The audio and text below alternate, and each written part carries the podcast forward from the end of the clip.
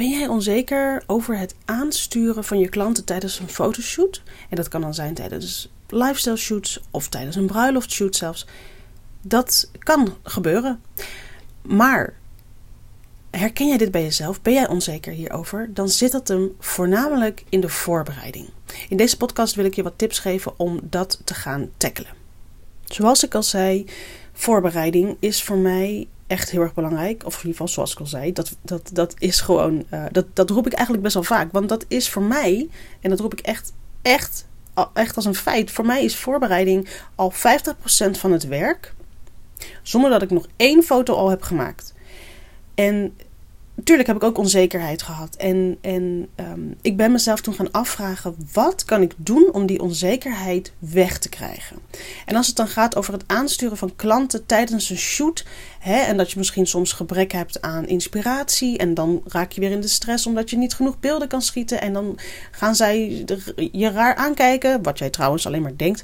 En dan, en dan kom je niet professioneel over. En dan groeit je onzekerheid. En bah je ontploft dan op een gegeven moment. Maar die onzekerheid is ergens um, zo.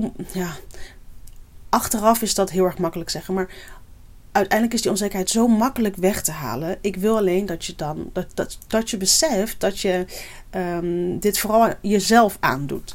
Want die onzekerheid, die ga jij weghalen met de betere voorbereiding. Je moet, gaan, je moet beter gaan voorbereiden, heel simpel. En dan ga ik het bijvoorbeeld even hebben, um, nou ja, laten we eens pakken, bruiloften. Als jij tijdens, en dan heb ik het misschien even alleen over de shoot zelf, omdat er, ervan uitgaande dat de rest van de bruiloft, dat jij die als in documentaire-achtige tactiek uh, vastlegt. Maar die shoot, dan moet jij knijterhard aan het werk. Als jij dan onzeker bent over hoe jij die mensen moet aansturen, dan moet je daar dus op gaan voorbereiden. Hoe doe je dat? Waar kun je bijvoorbeeld aan denken? Ik denk dan bijvoorbeeld aan vooraf goed bedenken waar ga je shooten.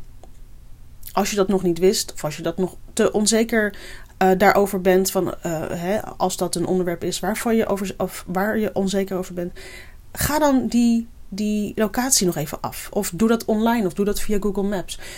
Um, en zorg dat je bijvoorbeeld ook een shotlist hebt. Maak een. Weet je, tijdens een bruiloft weet je ongeveer hoeveel tijd je hebt. Ga dan na.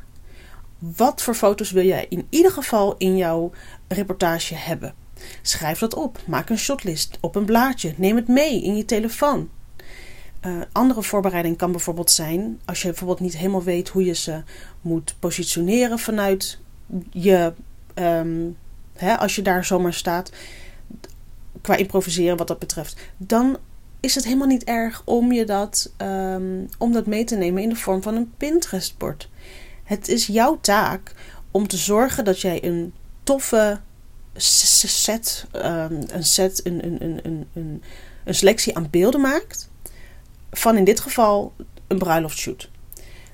Dan maakt het ook niet uit of jij dat op een blaadje schrijft, meeneemt of een Pinterest-bord maakt. Als jij maar zorgt voor die beelden op een gegeven moment raak je, hè, dus stel daar maak je gebruik van, op een gegeven moment raak je daaraan gewend en dan krijg je de zekerheid weer terug over het feit dat jij dat helemaal prima zelf kan. En op een gegeven moment maak je steeds minder gebruik van bijvoorbeeld een Pinterest-bord of een, of een setlist, of hoe heet zoiets? Een setlist. Ik heb ook in de muziek gezeten.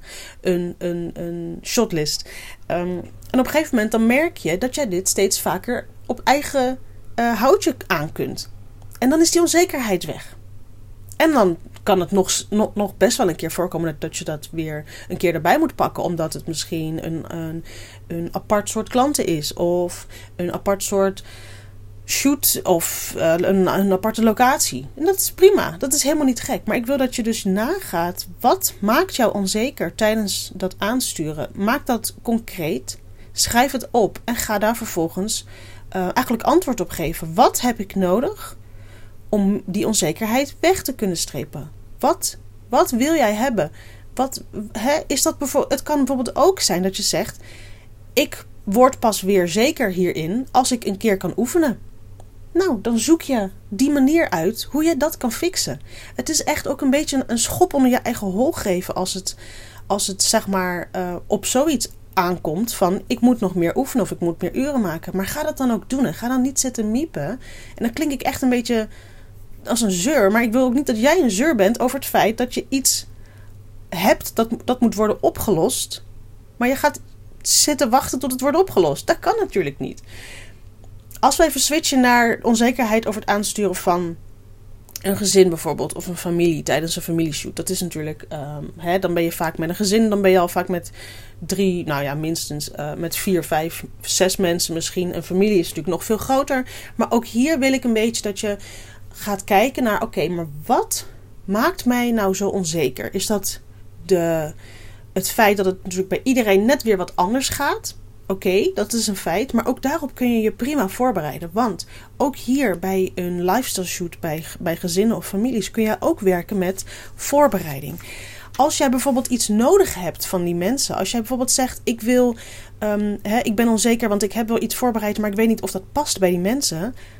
Wat is er dan nodig om dat wel te weten? Dan ga jij vragen in een, bijvoorbeeld een vragenlijst.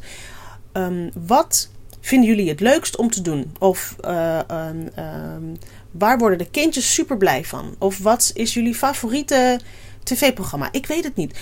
Bijvoorbeeld dit soort vragen. Stel vragen aan die mensen waardoor zij antwoorden geven, waardoor jij kunt, dus beter kunt inschatten hoe jij met hun overweg kan gaan tijdens die shoot. Op die manier kun je ook weer onzekerheid weghalen. En natuurlijk is bij een familieshoot, een gezinsshoot ook gewoon een set, een shotlist ga ik weer. Um, of een Pinterest-bord kan ook eventueel net zo goed. Het is alleen, je moet hier een soort van andere pet op zetten. Het is ook een deel mindset. En het is niet erg hè, dat je ergens onzeker over bent. Maar de volgende stap is, pot voor drie. Ik ben onzeker. Maar ik ga dit dus even aanpakken als een maloot. En ik ga hier echt vanaf komen. Bam. Want ik, ik kan dit. Alleen ik weet nog even niet hoe. Dus ik ga uitzoeken hoe. Ik wil dat je die mindset hebt. Die ondernemersmindset. En um, vandaar ook deze podcast een beetje. Ik wil aan de ene kant je helpen met tips om die onzekerheid weg te halen. Maar aan de andere kant is het echt een schop onder je hol om te zeggen van... Ga niet, want ik herken dat heel erg. Ga niet zitten. Weet je, blijf niet wekenlang zitten etteren over het feit dat je onzeker bent. Ik wil dat je er wat aan doet. Dus de schoppenul heb ik hopelijk gegeven. Um, even kijken of ik nog wat meer tips zou hebben. Ja, nou ja, dus inderdaad, die voorbereiding. Ga, ik ga het nog een keer zeggen, ga echt na voor jezelf. Pak even de tijd en ga na. Wat heb ik nodig om meer zekerheid te hebben tijdens zo'n shoot? Ik heb mij dat, ik heb me mezelf, ik heb mezelf dat gevraagd, jaren geleden. En toen kwam ik bijvoorbeeld op een vragenlijst uit die ik stuurde naar mijn klanten, waarbij ik dus informatie van hen vroeg voorafgaande. Dus hè, dat is iets heel simpels als de namen. Ik vind het leuk om de mensen te kunnen aanspreken. Logisch. Maar hè, ik zeg hem er toch bij. Ik zet hem erbij. Uh, maar ook bijvoorbeeld, hoe omschrijf je jouw gezin in vijf woorden of in drie woorden? Dan weet jij, als je dan bijvoorbeeld uh, terugkrijgt uh, introvert, verlegen en uh, doe maar normaal, dan doe je al gek genoeg, weet je. Dan weet jij dat je niet als een maloot hoeft te gaan spelen als een clown, omdat dat, omdat dat niet past bij die mensen. En dan kun je ook weer onzekerheid krijgen over het aansturen, want ze doen niet wat je willen, wat jij wil. Dus op die manier kun je je gezin beter leren kennen, zodat jij ze tijdens die shoot weer beter kan aansturen. Het is soms zo simpel, alleen je moet er zelf even achter komen.